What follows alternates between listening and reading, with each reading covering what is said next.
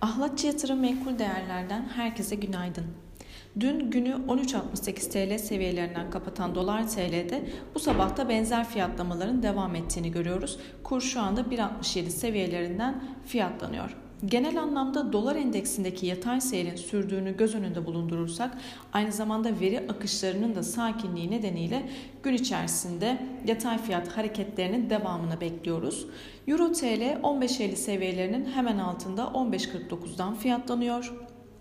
Euro dolar paritesine baktığımızda 1.13.30 e, seviyesinden işlem görürken sterlin İngiltere'deki omikron varyantına yönelik yeni önlemler alınmasının ardından dolara karşı bu yılın en düşük seviyeleri olan 1.32'lere doğru geri çekildi.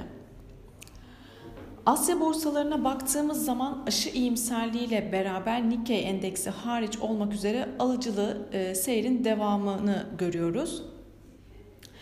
Wall Street endeksleri dün yükselişlerini sürdürmeye devam etti. Üçüncü, üçüncü doz aşının omikron varyantını etkisiz hale getirdiği açıklamalarının ardından e, yükselişin devam ettiğini gördük.